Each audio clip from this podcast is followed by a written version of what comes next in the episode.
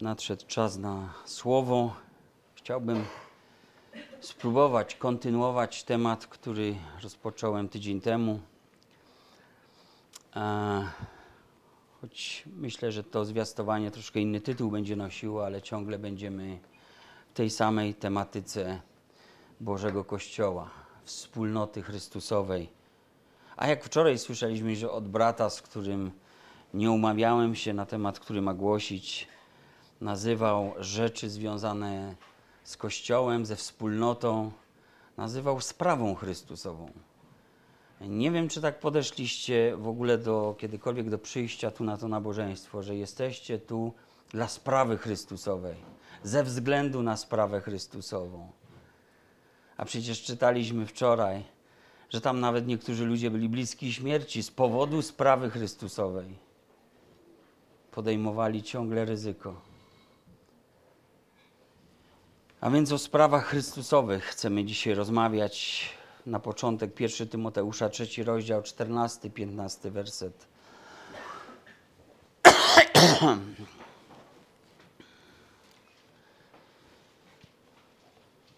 Piszę do Ciebie w nadziei, że rychło przyjdę do Ciebie.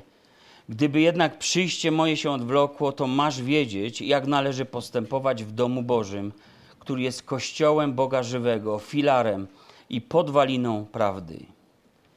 Drodzy, apostoł Paweł pod swoją nieobecność daje mnóstwo wskazówek Tymoteuszowi, między innymi tą, która odnosi go do kościoła i nazywa kościół podwaliną prawdy i filarem. Co to znaczy? Myślę, że oznacza to, że bez kościoła prawda nie mogłaby się ostać. Nie mogłaby w tym sensie ostać, bo nie mogłaby wejść w tą rzeczywistość ludzi i nie miałaby szansy utrzymać się w tym bezbożnym świecie. My potrzebujemy prawdy, potrzebujemy czasem usłyszeć prawdę, nawet kiedy jest ona bolesna dla naszych uszu, bo Biblia mówi, sam Jezus, że gdy poznamy prawdę, to prawda wyzwoli was, prawda ma moc nas uwolnić. Prawda też potrzebuje nas, którzy doświadczyliśmy jej, abyśmy byli też żywym dowodem jej mocy i skuteczności w tym świecie. Może jest wielu ludzi takich jak Piłat, którzy stawiają pytanie, co to jest prawda. To Jezus jest tą prawdą, drogą i życiem. Jezus powołał swój Kościół, darował jemu swoją moc, aby nawet bramy piekieł nie były w stanie go zatrzymać, by nigdy nie zdobyły przewagi, jak to czytaliśmy w zeszłym tygodniu, nad Kościołem w tym duchowym zmaganiu, tej duchowej walce o dusze ludzkie. Wierzący, którzy są oddani Panu, urzeczywistniają aktualność tego przesłania w każdej epoce. są trochę jak znamie. Nie wiem, niektórzy mają znamie na swoim ciele po jakiejś operacji, po jakimś urazie. A to też jest coś jak znamie, jak pewien rodzaj stygmatu, śladu, odciskające znamie swój ślad w umysłach każdego pokolenia. Ten niewidzialny Kościół, złożony z ludzkich dusz, postaci widzialnych wspólnot, daje poznać światu Ewangelię i przypomina o aktualności Bożej oferty w Chrystusie. Biblia nazywa nas wspólnotę, zresztą każdą wspólnotę Chrystusową, nazywa nas ambasadą Chrystusa, a więc takim przedstawicielstwem na obcej ziemi. 2 Koryntian 5, 20 werset. Miejsce samego Chrystusa poselstwo sprawujemy. A więc jako zgromadzenie, poprzez naszą jedność, miłość, wzajemną troskę między sobą oraz przez samą treść Ewangelii, którą dzielimy się, dajemy dowód na to, że Jezus wciąż żyje, ma moc zbawić każdego człowieka. Każdy, kto wzywa imienia Pańskiego, będzie zbawiony, mówi list do Rzymian. Mogę więc budować ten duchowy dom, który jest podwaliną prawdy, ale też mogę podkopywać samą prawdę swoim złym świadectwem. Gdy moje życie nie znajduje się we właściwym miejscu względem choćby tej budowli Bożej. Czy więc wiem, jak należy postępować w domu Bożym? Czy autentycznie buduję siebie i innych w tej duchowej budowli? Czy jestem, jak mówi Boże Słowo, integralną cząstką tego ciała Chrystusa? Czy jestem posłuszny temu, który jest Jego głową, a jest nią sam Jezus Chrystus? A więc Kościół jako zgromadzenie. Wiemy już o tym. W zeszłym tygodniu trochę więcej było o tym. On spotykał się, ten Kościół, na jednym miejscu gromadził się, zbierali się ludzie raz w tygodniu, częściej, nawet codziennie. To już wiemy, ale w jakim celu oni wszyscy to robili? Po co to robili? Co oni odkrywali przez to? Dokąd ich to prowadziło? Czy to sztuka dla sztuki? Jakie życie oni mieli jako wspólnota Chrystusowa?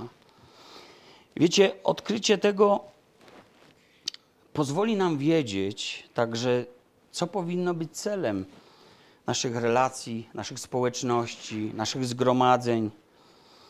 Tak, aby osobisty wzrost, to wspólne duchowe, duchowe budowanie, te duchowe więzi, o których tydzień temu mówiliśmy, one naprawdę były rozwijane i przynosiły nam korzyść. A więc otwórzmy tekst, którego nie dotknęliśmy za bardzo, ale przeczytany był. Dzieje apostolskie, drugi rozdział, 41 werset do 47. Spójrzmy na niego dzisiaj.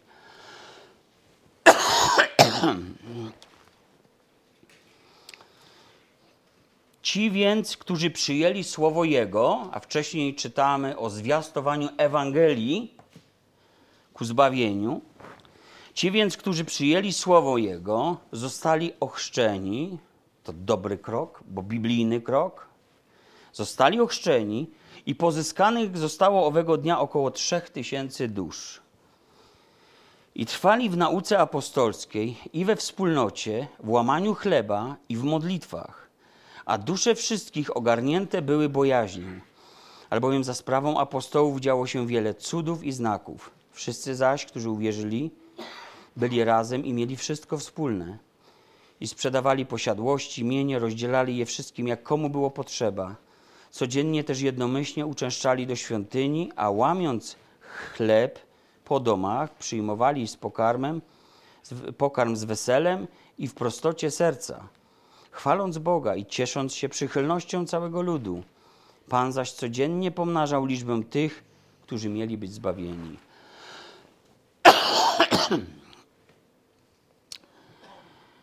Trzy tysiące. To, to chyba takie marzenie, prawda? Ale jak sobie myślę o takim marzeniu, to myślę sobie, że to chyba jest wyzwanie, które przerasta może nie tylko mnie, ale całą naszą wspólnotę. Ale czy coś nie ma niemożliwego dla Boga? Czy kiedy czytamy historię przebudzeń, to nie działy się takie rzeczy, że można ich nazwać cuda i znaki, gdzie po prostu zawieszano nawet pracę sądów, bary, puby bankrutowały, dziennikarze rozpisywali się głównie o tym, co się dzieje we wioskach, na przykład w Walii czy Irlandii, czy w innych miejscach świata, gdzie po prostu ludzie nagle szukali Boga. Kiedy Boża obecność do nich przychodziła, nie byli w stanie już żyć tak, jak żyli wcześniej. Kiedy Jonathan Edwards zwiastował jedno ze swoich kazań, a byli tam ludzie ubodzy, bogaci, kongresmeni, bankierzy, biznesmeni, zwykli prości ludzie, robotnicy, to niezależnie od tego, kto kim był. Pamiętniki mówią, że kiedy on zwiastował, ludzie trzymali się filarów kościoła, bojąc się, że Bóg nie będzie czekał ani chwili dłużej, ale strąci wszystkich grzeszników natychmiast do piekła taka bojaźń Boża przychodziła i spadała na nich. I my to widzimy właśnie w życiu pierwszego kościoła.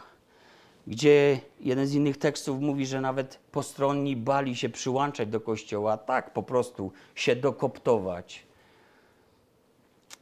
Ponieważ wiedzieli, że jest tam Boża obecność, że jest tam Boże działanie i obawiali się, że jakakolwiek obłuda, jakakolwiek nieuczciwość, jakakolwiek powierzchowność zostanie natychmiast zdemaskowana i poniosą karę. Drodzy ci pierwsi chrześcijanie, po coś byli razem. I pierwszą rzeczą, którą widzimy, to jest nauka. Oni trwali w nauce apostołów. Pomyślmy, w jaki sposób nasza społeczność, nasze spotkania mogą służyć właśnie trwaniu w nauce. Po co nam to? Biblia mówi, że mamy uczyć się drogi pańskiej. W wielu miejscach znajdziemy podobne wezwania. Należy więc o, o niej rozmawiać podczas naszych spotkań, otwierać Biblię, dzielić się swoimi wątpliwościami, spostrzeżeniami, odkryciami. Do czego służą na przykład takie spotkania rozważań biblijnych? Kto pyta i sprawdza, nie błądzi. I dla no, no, nowonarodzonych niemowląt to przecież nie jest jakaś uciążliwość. To nie jest jakiś kierat. Dlatego, że każde nowonarodzone niemowlę ma w sobie coś, co nazywam potrzebą. Każdy z Was, albo prawie każdy, widział, jak zachowuje się nowonarodzone niemowlę na rękach matki. Szuka mleka co chwilę. Potrzebuje mleka. Apostoł Piotr mówi, jako nowonarodzone niemowlęta zapragnijcie niesfałszowanego duchowego mleka, abyście przez nie wzrastali ku zbawieniu. A więc dla nowonarodzonych to nie jest uciążliwość, gdyż posiadają naturalne pragnienie karmienia się duchowym mlekiem, Słowem Bożym. Pytają, dociekają, szukają, otwierają, sprawdzają, chcą więcej, chcą znowu, chcą jeszcze raz. Nie mogą się bez tego obejść. Wiele sytuacji w życiu, które później przychodzi, bo każde niemowlę dorasta i zderza się z rzeczywistością, okrutną czasem, doczesnego życia w tym świecie. I wiele sytuacji przynosi nam niepewność, bo życie chrześcijańskie jest takim ciągłym poligonem doświadczeń. Więc czy wtedy również dociekamy tego, co jest właściwe, co jest w Bożych oczach miłe, dobre, doskonałe? Czy dociekamy tego, co jest właściwe, a co nie jest w Bożych oczach właściwe?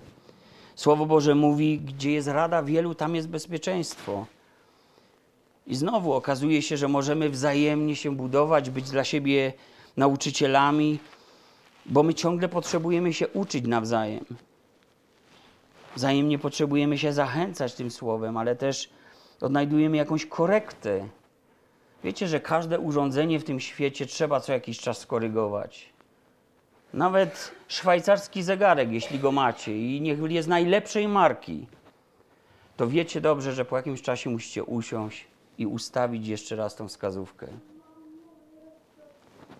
Wszystko, co w tym świecie jest, potrafi się rozkalibrować, potrafi wskazywać fałszywe wskazanie. I my potrzebujemy ciągle tego punktu odniesienia, o czym jeszcze dzisiaj powiem. A więc to wszystko się dzieje nie według własnego widzimisię, ale według tego, jak naucza nas Słowo Boże. I nauka apostolska więc była bardzo ważna. Tak jak dzisiaj i wtedy było wiele interpretacji pisma, wiele prądów filozoficznych. Grecy lubowali się w tym. Cała kultura grecka, kultura rzymska. Było wiele liberalnych poglądów. Jak tu w tym wszystkim nie zbłądzić? Jak tu wytrwać w prawdzie? Jak tu wiedzieć, co jest właściwe, a co nie? Ponieważ to, czego zostałeś nauczony, ma wielki wpływ na to, jak funkcjonujesz w życiu. A więc rada apostoła Pawła była, była bardzo prosta. Do takiego zboru, jakim był Korynt, takie starożytne Las Vegas, ponad 100-tysięczne miasto portowe, gdzie mogłeś znaleźć mnóstwo uciech, ale również było obok Aten taką kolebką wszelkich filozofii, ponieważ no, miasto portowe miało to do siebie, że tam się wszyscy do, jak do zbornego miejsca zjeżdżali. To wiecie, apostoł Paweł tym ludziom poradził prostą rzecz, kiedy zderzali się z taką różnorodnością myśli i nauk. 1 Koryntian, czwarty rozdział, szósty werset mówi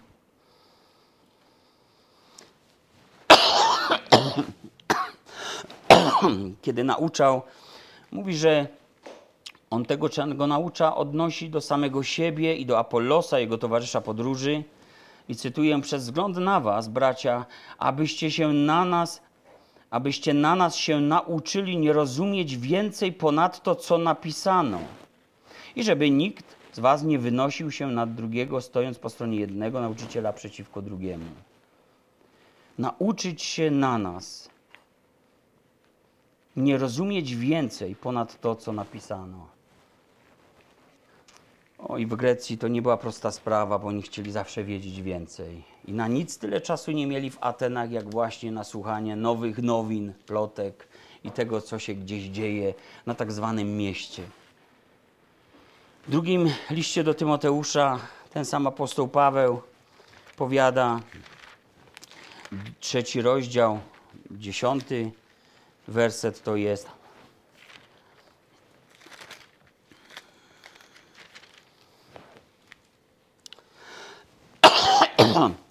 Daje taki przykład dobry, mówiąc o Tymoteuszu, o, o nim, o Tymoteuszu. Mówi, lecz ty poszedłeś za moją nauką. I można powiedzieć i za tym, co z tego wynika.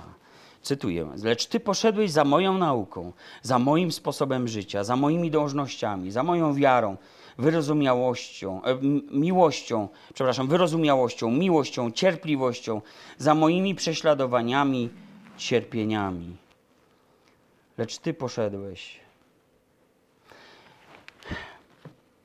Apostoł Piotr nie był inny, nie był z innej gliny niż apostoł Paweł. On napisał w swoim liście, że Słowo Boże nie podlega dowolnemu wykładowi i napisał, że potrzebujemy tego słowa jak pochodni. I wy dobrze czynicie, gdy się go trzymacie w ciemnym miejscu, a, a ciemność jest w tym świecie, tak mówi Biblia. Księga Objawienia zaś ostrzega, by nic do proroctwa tej księgi nie dodawać, ani niczego nie odejmować. Mamy trzymać się słowa niczym pochodni. To jest nasz duchowy GPS, nasz przewodnik życia, nasza mapa drogowa do domu Ojca. I zupełnie nie rozumiem, jak ktoś mógłby, żyjąc w takiej rzeczywistości, w jakiej tkwi ten świat i gdzie on zmierza, jak ktoś mógłby zaglądać do słowa sporadycznie, okazjonalnie i polegać jedynie na swoim rozumie, na swojej rutynie religijnej? Wiecie, że Pan Jezus do pewnego człowieka powiedział, już nie pamiętam kontekstu, w jakim to pada. Czy rozumiesz, co ci uczyniłem?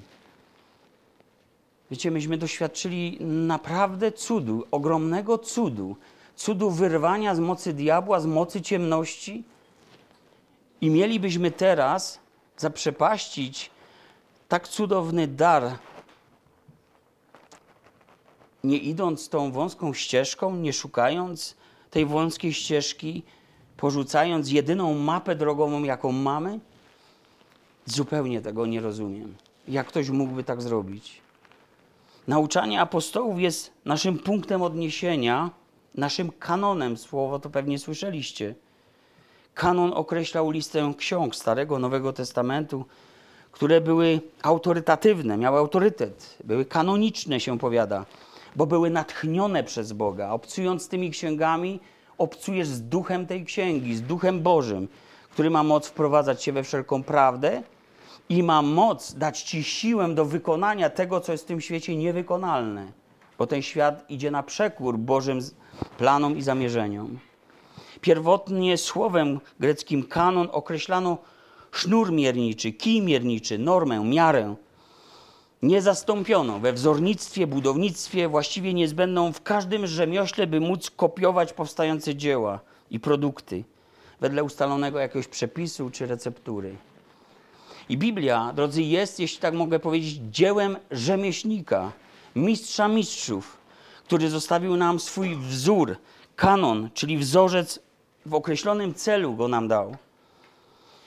W liście do Filipian, 3 rozdział 16, werset, cytuję według Biblii Gdańskiej, czytamy Wszakże w tem, czegośmy doszli, według jednegoż sznuru, słowo kanon tu jest, postępujmy i jednoż rozumiejmy. Starożytny sznur mierniczy był wzorcową miarą. Staraniem apostoła Pawła było, aby ludzie wierzący kierowali się tą samą normą, jednakowo rozumiejąc słowo. W liście do Galacjan apostoł Paweł mówi o krzyżu oraz o znaczeniu nowego stworzenia i kończy to stwierdzeniem, cytuję też Biblia Gdańska, a którzykolwiek według tego sznuru postępować będą, pokój na nich przyjdzie i miłosierdzie i na lud Boży Izraelski. Sznur, kanon, jednakowa miara, wartość niezbywalna pierwszego kościoła, trwali w nauce apostolskiej. I w dobie, drodzy, ogromnego zamieszania i chyba dużo większego niż wtedy, musimy sprawdzać, czy tak się rzeczy mają, jak o nich słyszymy. Nie tylko z kazalnic, ale ze stron internetowych, z różnych platform komunikacji. Mamy tak powszechny dostęp do informacji i w takim zakresie, w jakim nigdy wcześniej żadna cywilizacja go nie posiadała. Niejacy Berejczycy, który, o których czytamy, że byli szlachetniejszego usposobienia, sprawdzali, kiedy Paweł głosił, czy tak się rzeczy mają. Sprawdzajcie. Ale oni wtedy byli ludźmi zamożnymi. To szlachetniejsze usposobienie oznaczało, że oni mogli sobie pozwolić na posiadanie ksiąg, własnych manuskryptów. To nie była taka sprawa hop żeby mieć własną książkę. A dzisiaj ją mamy. A w ilu domach trzeba zrobić tak, bo jakoś zachodzi kurzem. W dobie wielkiego zamieszania potrzebujemy punktu odniesienia, tak powszechności informacji, ale ludzie przekazują bardzo różne rzeczy. Pojawia się wiele informacji w przestrzeni publicznej, które trzeba sprawdzać. Internet więc staje się coraz bardziej murem oddzielającym człowieka od prawdy, zamiast miejscem, które udostępnia prawdę. Tak zwane fake newsy, słyszeliście to słowo. Fake news stał się narzędziem informacyjnym już, służącym do manipulowania, kształtowania, obrabiania całych społeczeństw. Obecnie zastępuje się go tak zwanym deepfake, czyli czymś, czego nie można już zweryfikować. Przeciętny człowiek, użytkownik mediów nie jest w stanie czasem dojść do tego, czy ma do czynienia z prawdziwą informacją. I teraz, dlaczego o tym mówię? Czy myślicie, że przestrzeń religijna, a nawet teologiczna, jest od tego czysta, wolna, nieskażona? Wiecie, ja nie jestem naiwny. Jest bardzo źle w epoce sztucznej inteligencji i wszędobylskich fejków, kiedy masz możliwość słyszeć nawet kazanie, kogoś, kto nigdy nie powiedział tego kazania. Ponieważ można i dźwięk podstawić, można wybrać jakąś sekwencję z jakiegokolwiek momentu, można ukształtować obraz, który oglądasz. Wszystko możesz zrobić. Można nawet usłyszeć kogoś, kto powiedział coś, czego nigdy nie powiedział. Jak dojdziesz do tego, co jest prawdziwe? I tak w ostatnich latach na przykład opublikowano w Danii Biblię, która została pozbawiona takich słów jak grzech, pokuta, łaska, miłosierdzie. Na nic zdały się protesty towarzystw biblijnych. Opublikowali i koniec. Kto chce, korzysta.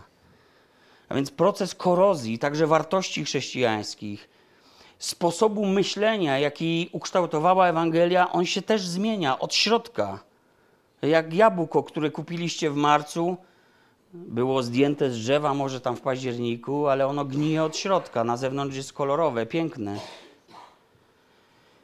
Jeśli nie zaopatrzyłeś się w kilka dobrych przykładów Biblii, jeśli nie sprawdzasz tego, co słyszysz, wcześniej czy później będziesz w niebezpieczeństwie. Bo jeśli do twego ucha nie można wpuścić wielu kłamstw, okrutnych kłamstw, wielkich kłamstw, to może pokonać się można jednym małym kłamstwem powielanym każdego dnia przez wiele miesięcy. Nasze filtry tak zwanej rutyny religijnej nie wyłapują powolnie następujących zmian w interpretacjach tego, co mówi Biblia, a tym samym kształtowane, obrabiane jest nasze moralne życie. Wszyscy powinniśmy sobie wziąć do serca przykład, jaki znajdujemy w Biblii. Cytuję to, o czym już wspomniałem. Natychmiast w nocy bracia wysłali Pawła i Sylasa do Berei. Kiedy tam przybyli, poszli do synagogi Żydów. Ci byli szlachetniejsi od Tesaloniczan. Przyjęli naukę z całą gorliwością i codziennie badali pisma, czy istotnie tak jest. To jest bodajże z przekładu ewangelicznego Biblii, zacytowałem. Trwać w nauce apostolskiej oznacza gotowość na przyjęcie słowa, by je pełnić z całą gorliwością. Codzienne badanie, sprawdzanie, rozważanie pisma, by wiedzieć istotnie, czy tak jest. I zobaczcie, żeby daleko nie szukać. Popatrzcie, co dzieje się w największym kościele w Polsce, chyba największym chrześcijańskim na świecie. Gdy protestanci mówili katolikom, że dogmat o nieomylności papieża jest niezgodny z Pismem Świętym, jest oparty na błędnych założeniach, nie wynikających ze Słowa Bożego, to co się działo? W wielu przypadkach szyderczo wyśmiewano takie osoby. Mówiono, że są odstępcami, sekciarzami, nic nie rozumieją, bo zwykły ksiądz wie lepiej. A teraz co się dzieje? Sami katolicy zaprzeczają temu, co wprowadza ich papież do kanonu wiary i postępowania, a nawet sami księża i biskupi protestują. Wczoraj byłem zszokowany, kiedy wysłuchałem oświadczenia jednego z biskupów, takie oświadczenie jak orędzie, które prezydent głosi. Aby Polacy nie odchodzili od Kościoła rzymskokatolickiego, to był jeden cel tego orędzia, a drugie, aby modlili się o nawrócenie swojego papieża, bo cytując stolicę apostolską, obsiadli wrogowie krzyża. Ja byłem w szoku, ja nie, nie wierzyłem własnym uszom i oczom. No właśnie, trzeba by się zastanowić, czy to deepfake, ale czytałem to, słuchałem tego na jednym z większych portali katolickich w Polsce, więc łatwe do sprawdzenia. Ja się pytam, gdzie podział się teraz ten dogmat o nieomylności zwierzchnika Kościoła, skoro katolicy są wzywani o modlitwę o nawrócenie swojego papieża? Czy ktoś postawił pytanie, co mówi Biblia?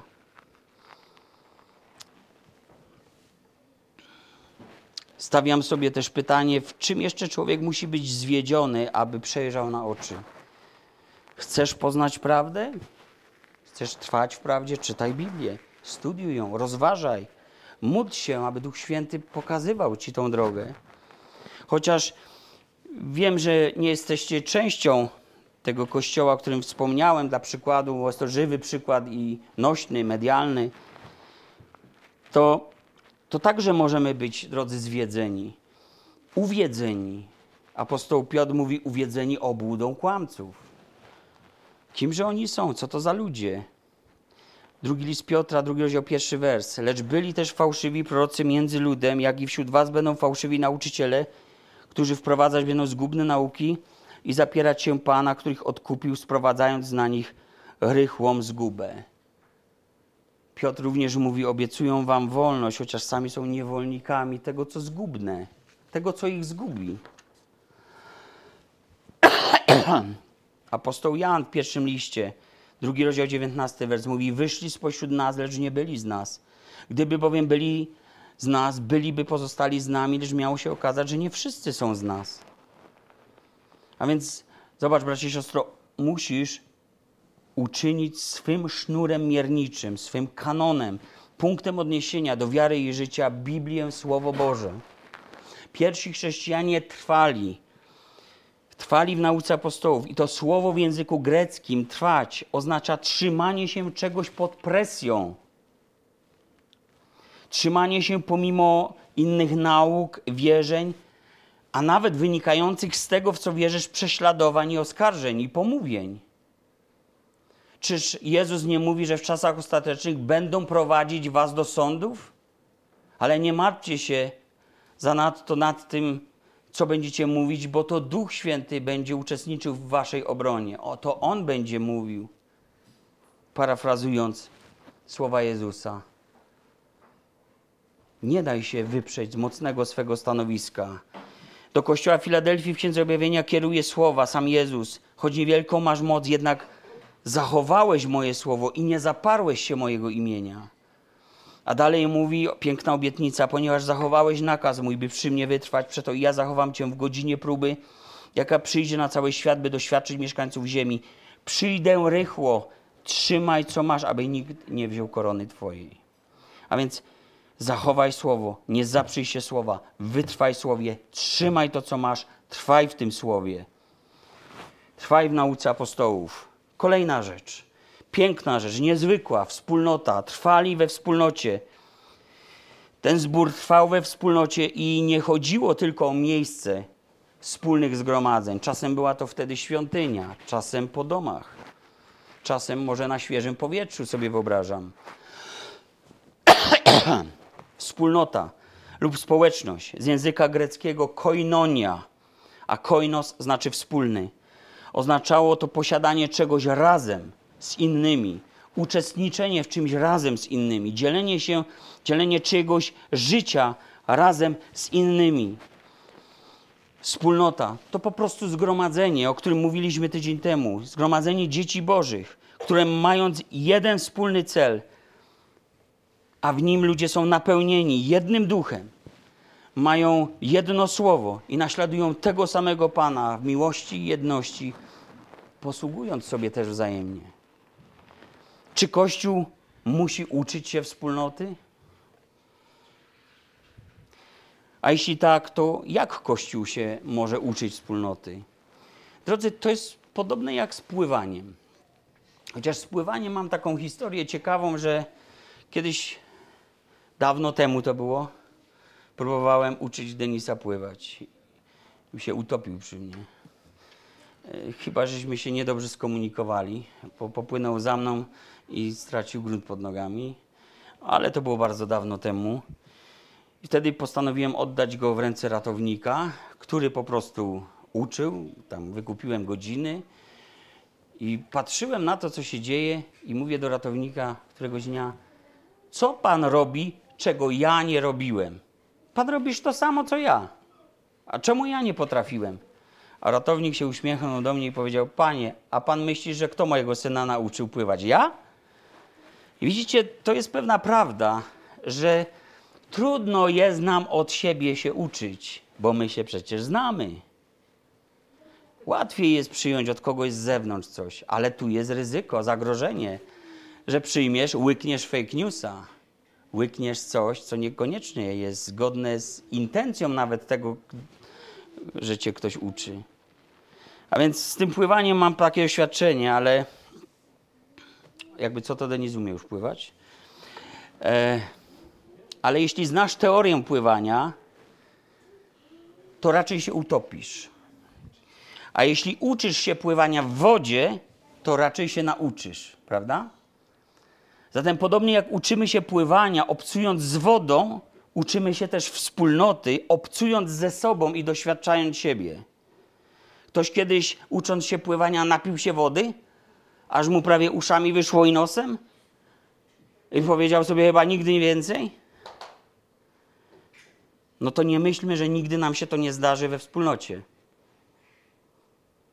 Ale jednak kontynuowaliście, nie? Bo chcieliście pływać, bo wiedzieliście, że to jest jakaś taka przygoda. Nauczyć się pływać. No, sztuką byłoby chodzić po wodzie, ale to Pan Jezus, Piotr, a może czasem nasze życie tak wygląda, że potrafimy chodzić po wodzie na przekór wszystkim żywiołom, które nas otaczają. Ale wracając do meritum. W liście do Efezjan apostoł Paweł porównuje Kościół do małżeństwa i mówi, że ci dwoje będą jednym ciałem. Dodaje, tajemnica to wielka, lecz ja odnoszę do, do Chrystusa i Kościoła. Co oznacza dla małżeństwa bycie jednym ciałem? Wspólnota praw i obowiązków? No pewnie. Nawet przysięga małżeńska w urzędzie stanu cywilnego chyba dotyka tego. W kościele mamy także wspólne prawa i obowiązki. A wspólnota celów? Ustalamy sobie cele, planujemy wydarzenia, zbieramy grupę na ewangelizację, na spotkanie dla mężczyzn, dla kobiet, różne okazje. A wspólne rodzicielstwo? No pewnie, wiele małżeństw ma dzieci. Jesteśmy też współodpowiedzialni za nowych ludzi we wspólnocie, dla te duchowo narodzone wśród nas dzieci. A wspólne współżycie? Kościele doświadczamy też miłości agape i jest to częścią życia Kościoła. A wspólne zarządzanie?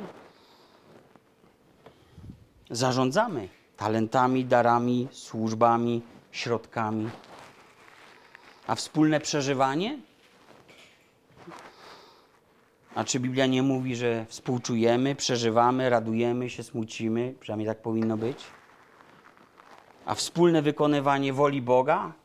No, mało które małżeństwo, znaczy młodzi, którzy mają zamiar wejść w związek małżeński, kiedy pytam im, dlaczego chcą się ożenić, mówią mi zazwyczaj, bo my się kochamy lub coś podobnego. Ale rzadko kiedy ktoś mi powie, bo chcemy wypełnić razem wolę Bożą w naszym życiu. To niezwykłe, kiedy bez naprowadzania mogę usłyszeć coś takiego od młodych ludzi. Bo oni zastanawiają się, jak mogą razem wykonać wolę Boga. A czy w kościele nie poszukujemy woli Bożej, aby ją wykonać? Zobaczcie, jak wiele zbieżności. Taki przykład. Ktoś podał taką definicję wspólnoty, społeczności, że wspólnota to dwaj ludzie w łodzi, którzy wspólnie razem wiosłują. Jeśli kiedykolwiek siedzieliście w łódce z inną osobą, próbując koordynować swoje ruchy, to wiecie, że jeżeli jedna osoba szybciej albo mocniej wiosłuje, to zamiast płynąć prosto, to będziecie się kręcić w kółko, albo jakimiś dziwnymi zakrętami będzie ta łódka wasza płynąć. I we wspólnocie, trochę jak na łódce, można określić wartości, jaką siłę do czego przyłożyć, można rozłożyć siły, można ustalić priorytety, jakieś cele, obowiązki rozdzielić. We wspólnocie można stać się naprawdę jednym sercem, jednym organizmem. Zresztą dzieje apostolskie o tym mówią, że u tych wierzących było jedno serce, jedna dusza. Czy nie popełniali błędów? Popełniali. Zaniedbali wdowy, yy, wdowy, yy, bodajże to byli greckiego pochodzenia, tak? Tak jakby część kościoła. No i, ale naprawili błędy? Naprawili błędy, tak? Żeby nie zaniedbywano takiej pomocy wobec wdów, to powołano siedmiu diakonów. Czy ci siedmiu, tych siedmiu diakonów, czy oni wiedzieli, czym się zajmują? Czy oni od instrukcji do instrukcji, czy oni po prostu wiedzieli, a my się będziemy zajmować służbą słowa i modlitwą? Ja się tak poniekąd zastanawiałem zawsze na tym, czemu tam nie ma też duszpasterstwa. Ale oświeciło mnie i powiem wam, że dość niedawno, że w tej modlitwie jest to duszpasterstwo, bo my nie uprawiamy psychologii, my nie wyręczamy psychiatrów, my nie zajmujemy się tym, czym zajmuje się świat i na czym się zna.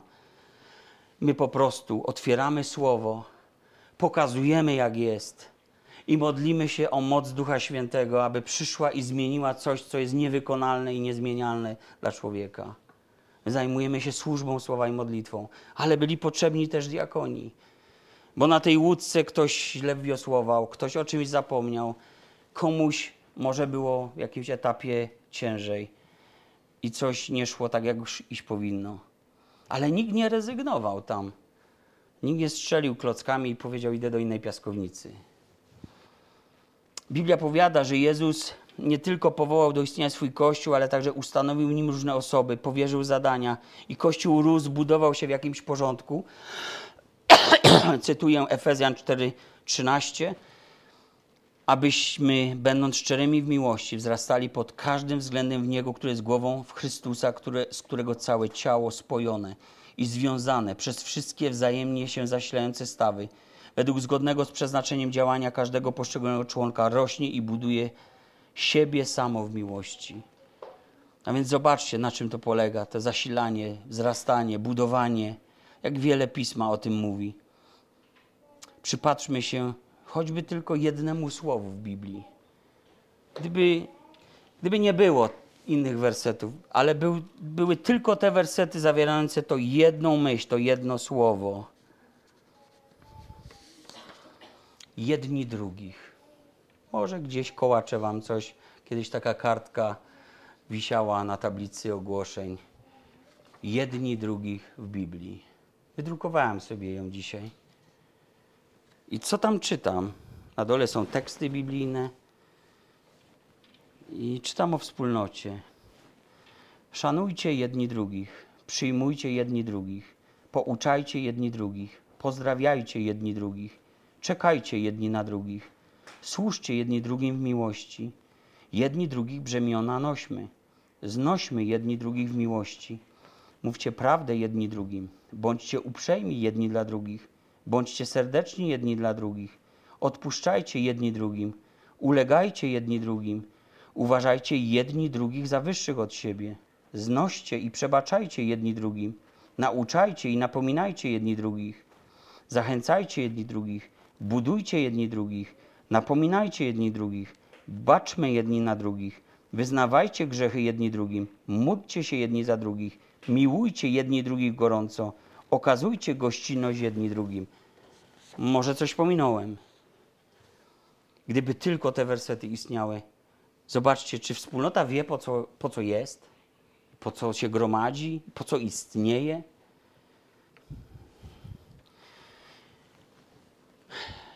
Pójdźmy dalej. Ci pierwsi chrześcijanie, ochrzczeni, pozyskani dla Pana, trwali w łamaniu chleba. wieczerza. Ci ludzie w tym zborze trwali w łamaniu chleba, uczestniczyli, sprawowali tą wieczerzę.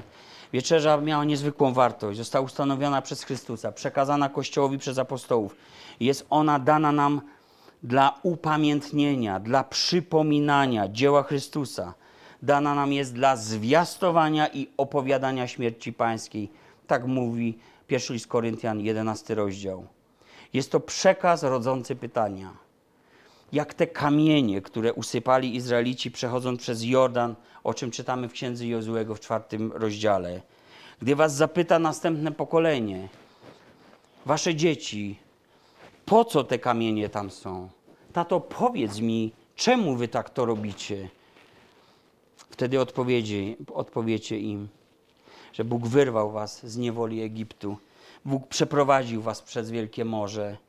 Bóg na pustyni karmił was pszenicą, manną i przepiórkami. Bóg wydobył nawet wodę ze skały dla was.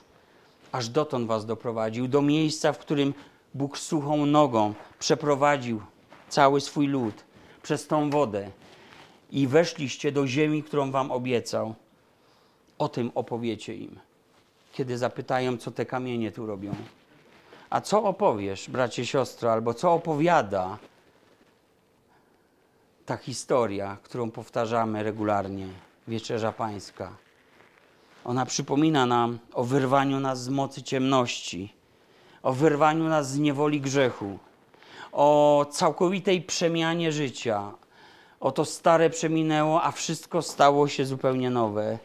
Chrystus odkupił mnie z niewoli diabła, z niewoli grzechu, powołał mnie do swojej chwały, podarował mi wspólnotę Kościoła, dał Ducha Świętego, abyśmy także mogli strzec tej pamiątki Jego na wieki, aż znowu przyjdzie.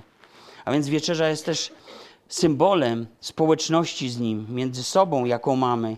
Jest symbolem przynależności, jedności, naszej duchowej tożsamości. Jest widocznym znakiem dzieła Ewangelii w naszym życiu. I powinniśmy jako chrześcijanie nie ociągać się w posłuszeństwie Panu, ale po swym nawróceniu powinniśmy zgodnie z Jego słowem przyjąć chrzest wiary na znak upamiętania z grzechów, a potem brać udział w życiu wspólnoty Kościoła, która oparta jest o naukę apostolską. I regularnie trzeba uczestniczyć w wieczerzy Pana, bo to jest pewien znak. To jest znak. I pierwotnie wieczerza była po prostu takim posiłkiem wieczornym w każdym żydowskim domu. To dlatego Koryntianie, którzy schodzili się i niestety popełniali błędy, dosłownie tłumacząc, czytamy 1 Koryntian 11, rozdział 20, werset, czytam, zeżerali swoją wieczerzę, nie czekając na innych. No tak w Greka o tym mówi.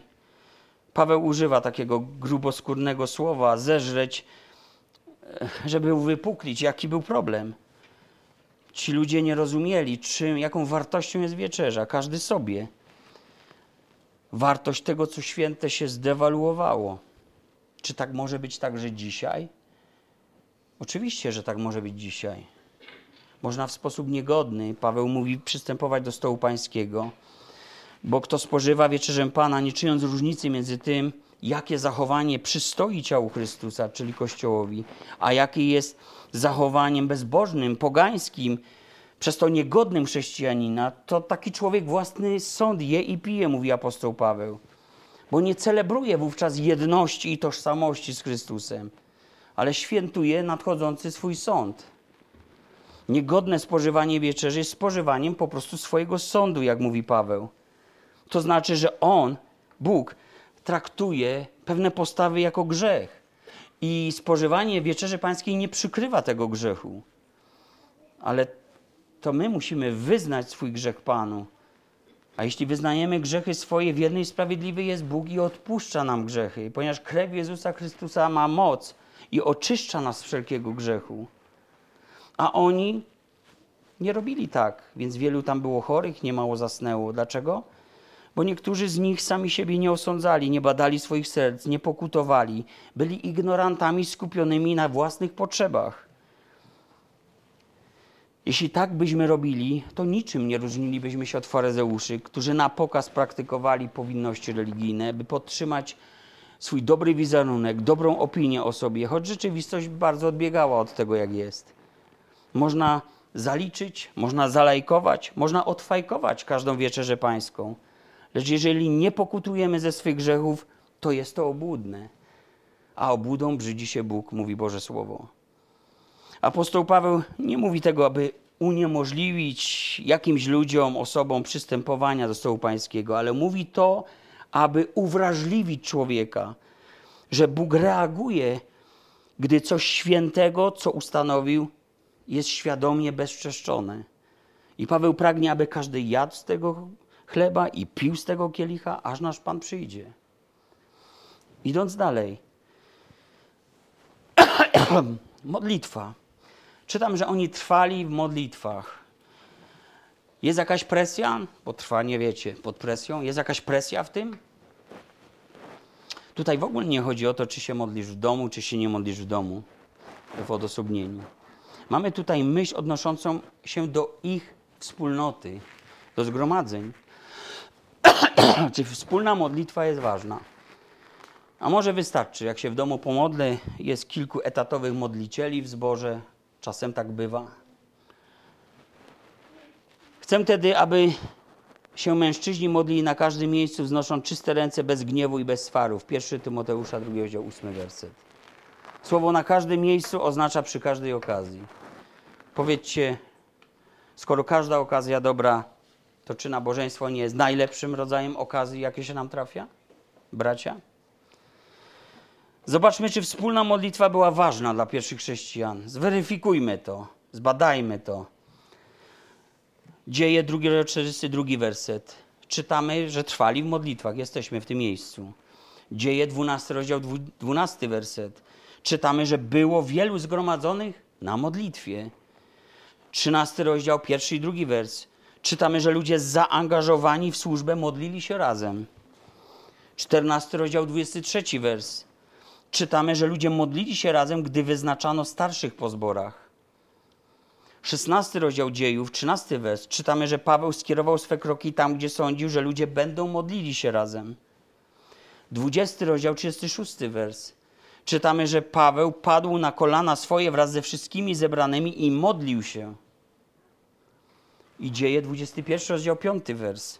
Wszyscy bracia z Tyru wraz z żonami i dziećmi towarzyszyli Pawłowi, a padłszy na kolana modlili się razem, zanim on odszedł do Jerozolimy. Drodzy, sami więc osiądźmy, czy przyglądając się relacji życia pierwszego kościoła, zborów, czy modlitwa wspólna zajmowała ważne, poczesne miejsce podczas ich zgromadzeń? Widzimy to, że modlitwa we wspólnocie była ich praktyką, naturalną rzeczą. I gdy modlę się publicznie, tak samo jak w przypadku wieczerzy, jak ważne jest to, jak wygląda moje życie przed Bogiem, bo przecież pismo powiada, że kto ucho odwraca, by prawa nie słyszeć, tego nawet modlitwa jest wstrętna. Przypowieści Salomona, 28 rozdział, 9 werset. Nikt nie oczekuje ode mnie, od ciebie doskonałości, bo nie będziemy doskonali. Ani ja, ani żaden z nas nie jest bez grzechu. Ale podobnie jak w przypadku niegodnego spożywania wieczerzy, chodzi o to, aby modlitwa nie stała się narzędziem maskującym mój prawdziwy stan, robiącym na kimś wrażenie. Na Bogu nie mogę zrobić wrażenia pięknymi słowami. Bóg patrzy na serce. Jeśli jestem świadomy niewyznanego grzechu albo braku pojednania z kimś, to lepiej bym najpierw bił się w pierś we własnej komorze albo odłożył swój dar na boku i poszedł się pojednać niż stawał przed ludźmi i mówił do Boga, sprawiając wrażenie, że Bóg i ja wszystko gra. Mężczyźni mają szczególną rolę w tym względzie uczestnictwa w modlitwie zboru. Tak Biblia to pokazuje. To nie mój pogląd. Pierwszy Tymoteusza, drugi rozdział mówi, że mamy się modlić, abyśmy mogli wieść żywot spokojny i cichy we wszelkiej uczciwości i pobożności. Oczywiście, bracia i siostry. Pierwszy Piotra, trzeci rozdział, siódmy wers mówią, że mamy modlić się bez przeszkód. Przeszkody są wynikiem w tym tekście, czytam, niewłaściwej postawy męża wobec żony. Doskonale wiemy, że każdy grzech stanowi przeszkodę dla Boga. Dlatego mamy wyznawać swoje grzechy najpierw. W liście Jakuba, 5 rozdział, 14-15 wers czytamy, że mamy modlić się o chorych i słabych, potrzebujących takiej modlitwy. I tutaj szczególną rolę mają duszpasterze, starsi zborów. Możemy modlić się za wszystkich. Biblia mówi o tym wprost. I wiele osób potrzebuje modlitwy. Choćby o Ewangelię, aby przyjęli Ewangelię, aby żyli według Ewangelii. Modlitwa porusza ramię, które porusza świat, powiedział jeden z kaznodziejów, bodajże Charles Spurgeon. Więc skoro Bóg jest w stanie poruszyć nawet cały świat i poruszy tą ziemią, mocno poruszy, to tym bardziej jest to łatwe dla Niego poruszyć czyjeś serce. Więc bracia, siostry, módlcie się za tymi, którzy potrzebują Waszych modlitw. I nie ustawajcie w tym, bo niektórzy czekali może lata na zmiany, ale się doczekali zmian. Bóg może wszystko. Czyż nie ma mocy wstrząsnąć czyim życiem, by człowieka obudzić, ostrzec, zawrócić, nawrócić? Módlmy się o wszystkich ludzi. Idąc dalej, bo nie mam już czasu, chcę powoli kończyć, ale tak króciutko. Wspieranie było częścią życia Kościoła. W jaki sposób możemy siebie dzisiaj wzajemnie wspierać? Chrześcijanie w tamtym czasie przyszedł, przyszedł czas prześladowań.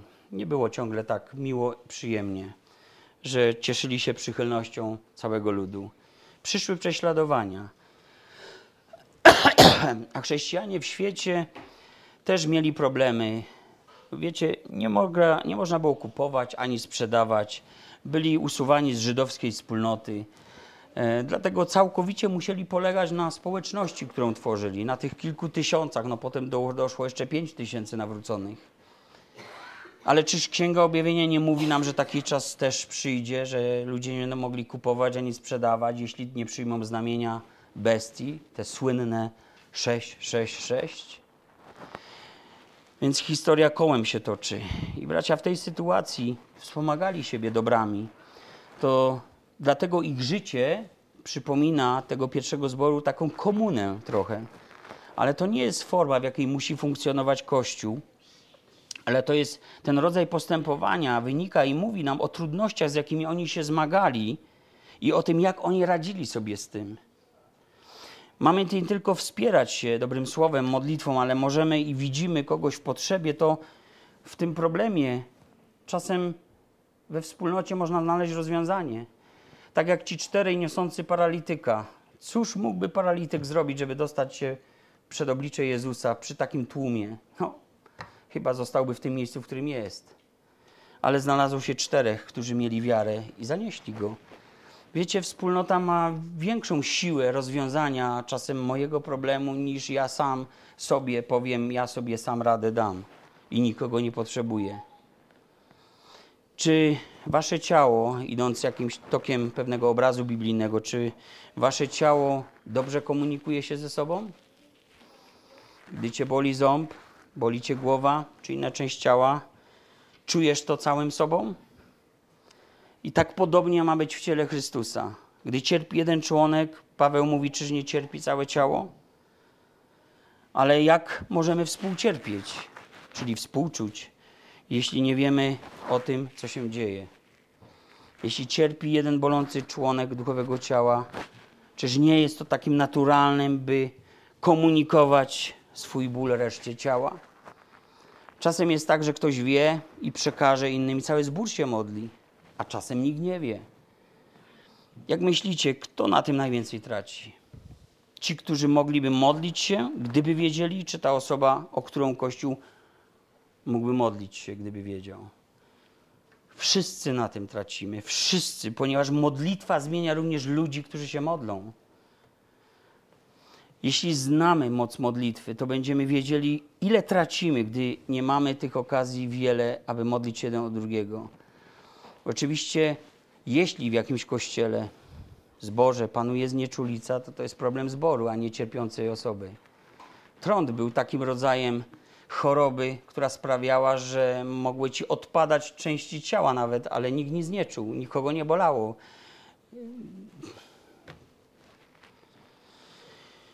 I tak się człowiek mógł rozpaść na kawałki bez bólu. Jeśli brakuje miłości i jedności, to wiecie, to nawet dwie chrześcijanki lub dwóch chrześcijan może się ze sobą pobić i, i, i niemal zabić. Czasem potrzeba kogoś, kto mógłby pomóc w pojednaniu, tak jak iskrzyło między niejaką Ewodią i Syntychą, o której Paweł mówił w liście do Filipian.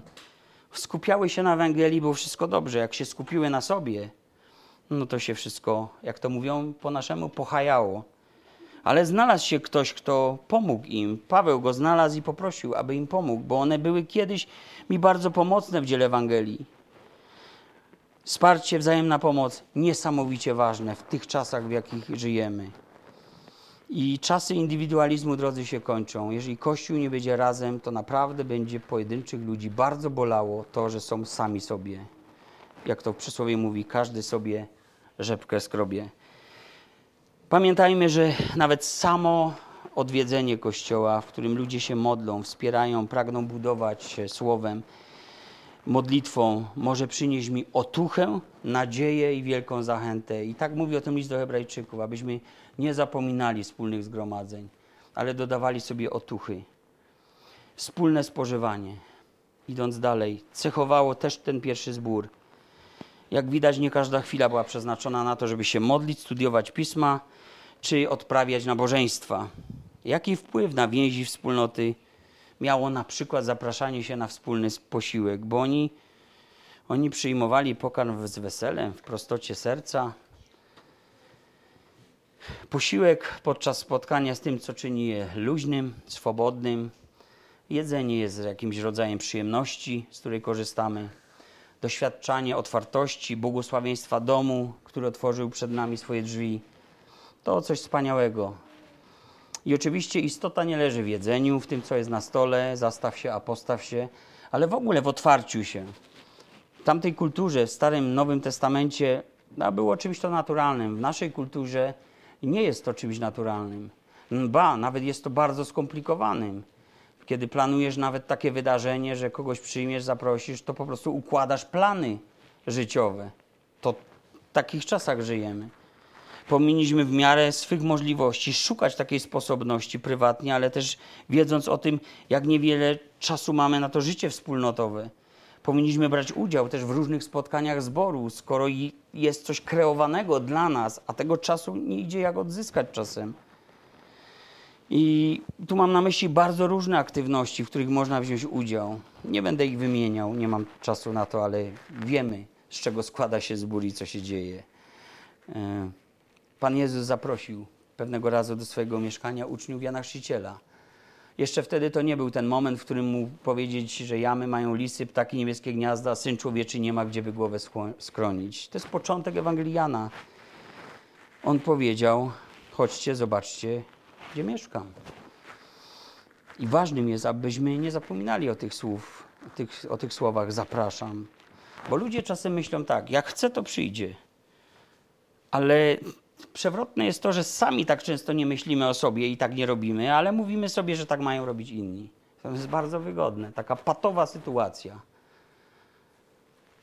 Biblia mówi, gościnności nie zapominajcie, list Piotra, ale nie mówi gościnność innych sprawdzajcie, wypróbowujcie do granic ich możliwości. Aż się guma zerwie.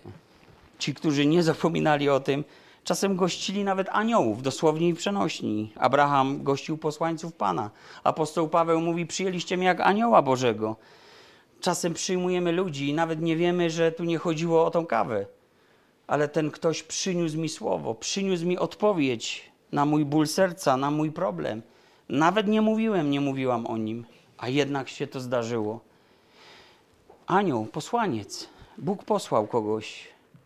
Oczywiście powinniśmy pamiętać, że takie spotkania nie są okazją do tego, jak Piotr na górze przemienienia stwierdzić: Dobrze nam tutaj, rozbijmy trzy namioty, zostańmy ile się da. Nie powinniśmy nigdy sprawdzać granic wytrzymałości gościnności naszych gospodarzy, bo, bo to nie był ich obowiązek. To był dobrowolny ich dar miłości. Wiecie o tym, że gościnność to jest miłość?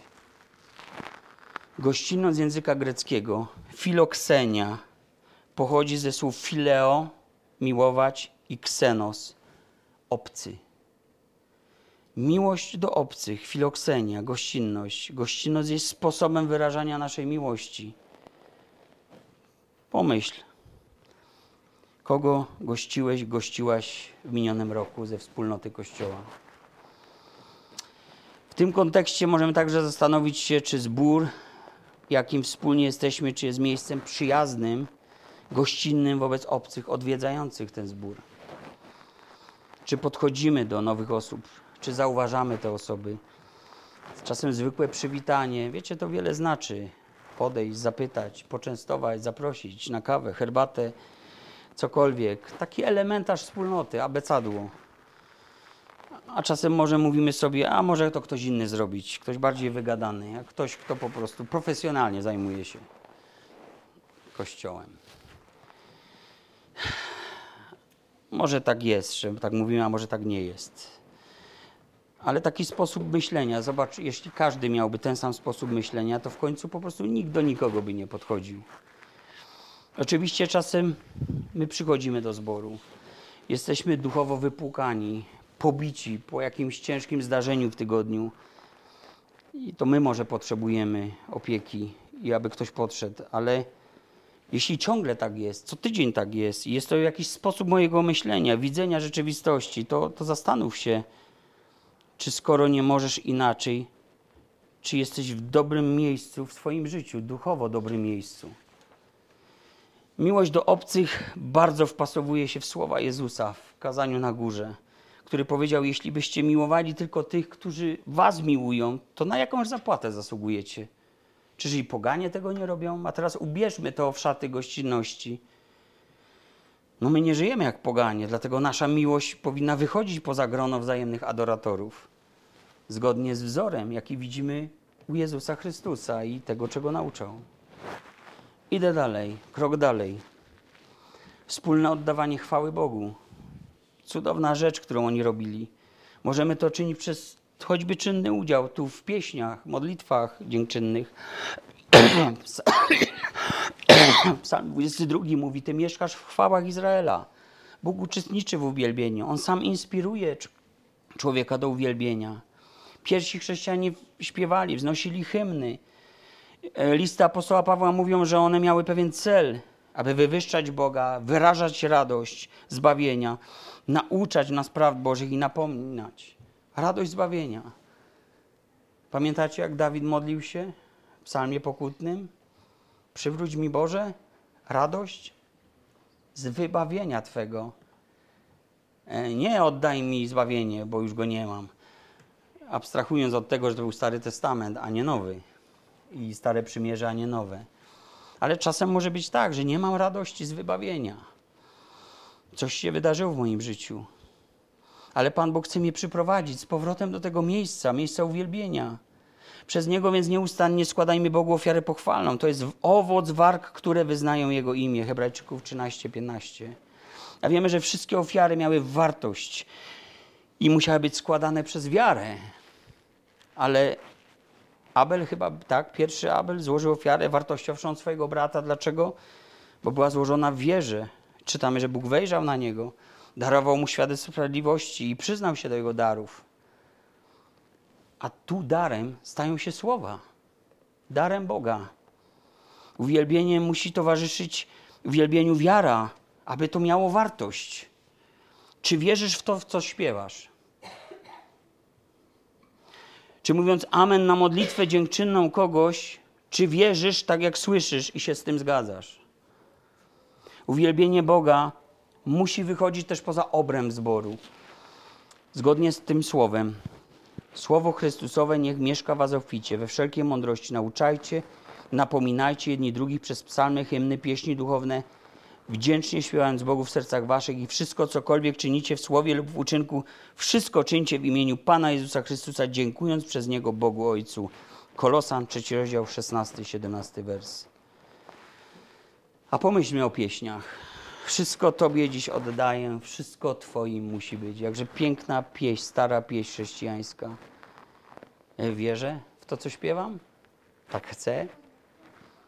Albo inna, może taka świeższa, choć też stara pieśń. Jezus dla Jezusa.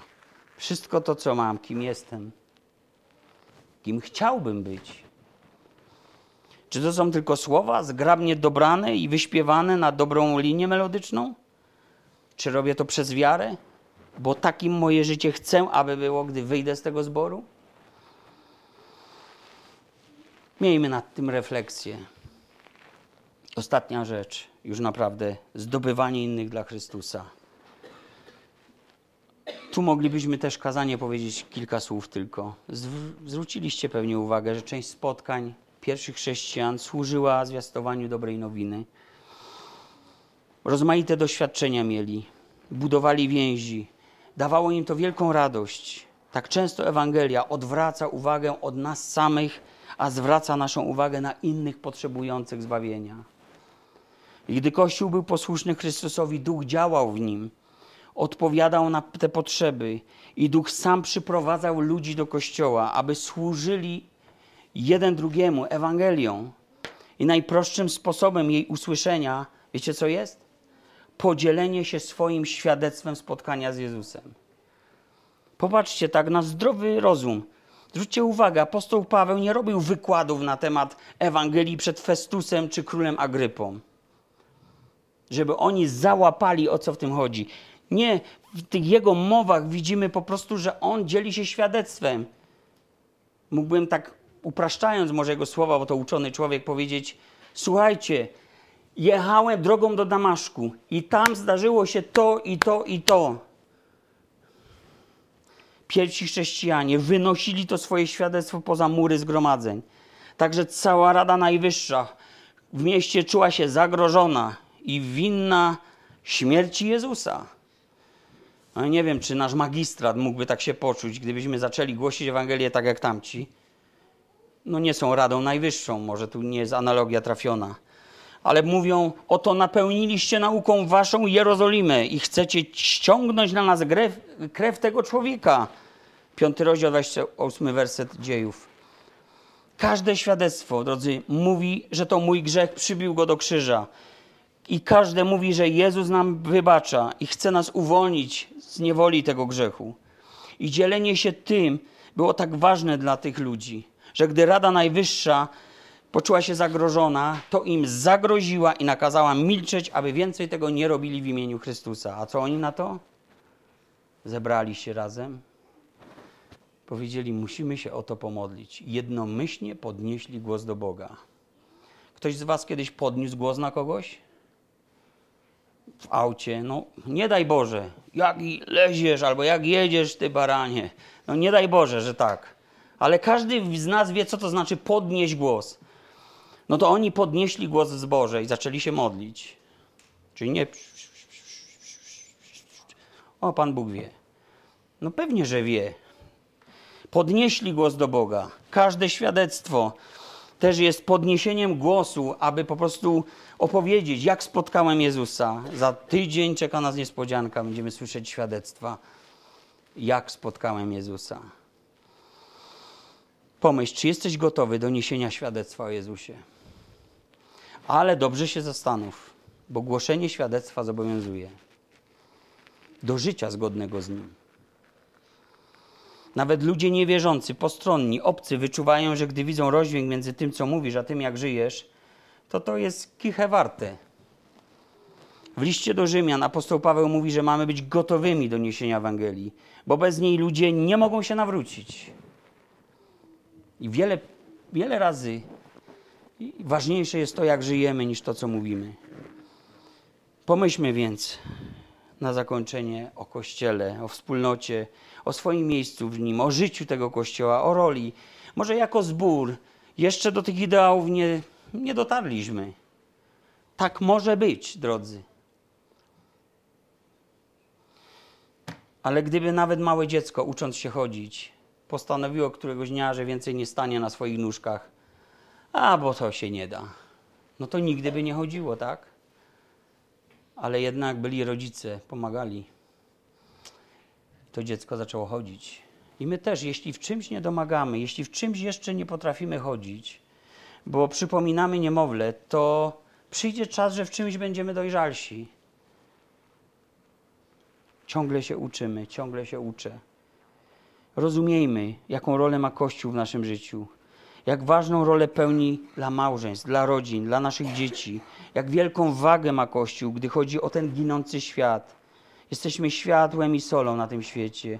Jak światło zgaśnie, jak ciemno się zrobi, jak sól przestanie zmieniać smak, jak wszystko ulegnie szybko zepsuciu. Ale dopóki jest Kościół, jest nadzieja dla tego świata to Kościół jest tą nadzieją, bo jest on jak arka Noego, której drzwi są ciągle otwarte, a wiecie, że to Bóg zamykał drzwi arki Noego, zanim przyszedł sąd. Jeśli na tym świecie przyjdzie sąd, a Biblia mówi, że tak będzie, to Bóg któregoś dnia też zamknie te drzwi. I Biblia nazywa ten dzień pochwyceniem Kościoła, zabraniem Kościoła z tej ziemi. A póki co, Kościół jest miejscem, w którym można znaleźć żywego Chrystusa, który troszczy się, ciągle zachęca, ciągle miłuje, ciągle prowadzi, ciągle buduje swój Kościół. Kościół to miejsce na ziemi, może jedyne miejsce na ziemi, w którym niebo spotyka się z ziemią, w którym jest przedsmak nieba, przedsionek tych niebiańskich rzeczy, które, których oko nie widziało, o których ucho nawet nie słyszało i których nie da się nawet opowiedzieć, żeby je zrozumieć. A więc, drodzy, dziękuję, że wysłuchaliście tego, ale teraz mamy wielkie wyzwanie. Ja i każdy wierzy z nas, który tego wysłuchał. Niech Bóg Was w tym błogosławi, abyście nigdy nie ustali w, w pragnieniu bycia takim kościołem, o którym mówi Biblia. I bądźmy jak ta oblubienica, która przygotowuje się na, do swojego wesela, stanie przed zwierciadłem i zobaczy, że to jeszcze jest tak, że guziki są źle zapięte. No tak facet by zrobił, może nie kobieta, bo ona tak do perfekcji doprowadzi swój wygląd, a facet po prostu wrzuci na siebie coś i pobiegnie, tak jak ja dzisiaj do kościoła. Ale poprawiamy się, cały czas chcemy się zmieniać. Chcemy po prostu być wykonawcami pisma, przeglądać się w tym zwierciadle, chcemy widzieć siebie aby Bóg uczynił nas lepszymi, dojrzałymi, gotowymi. Niech Bóg Was w tym błogosławi wszystkich. Amen.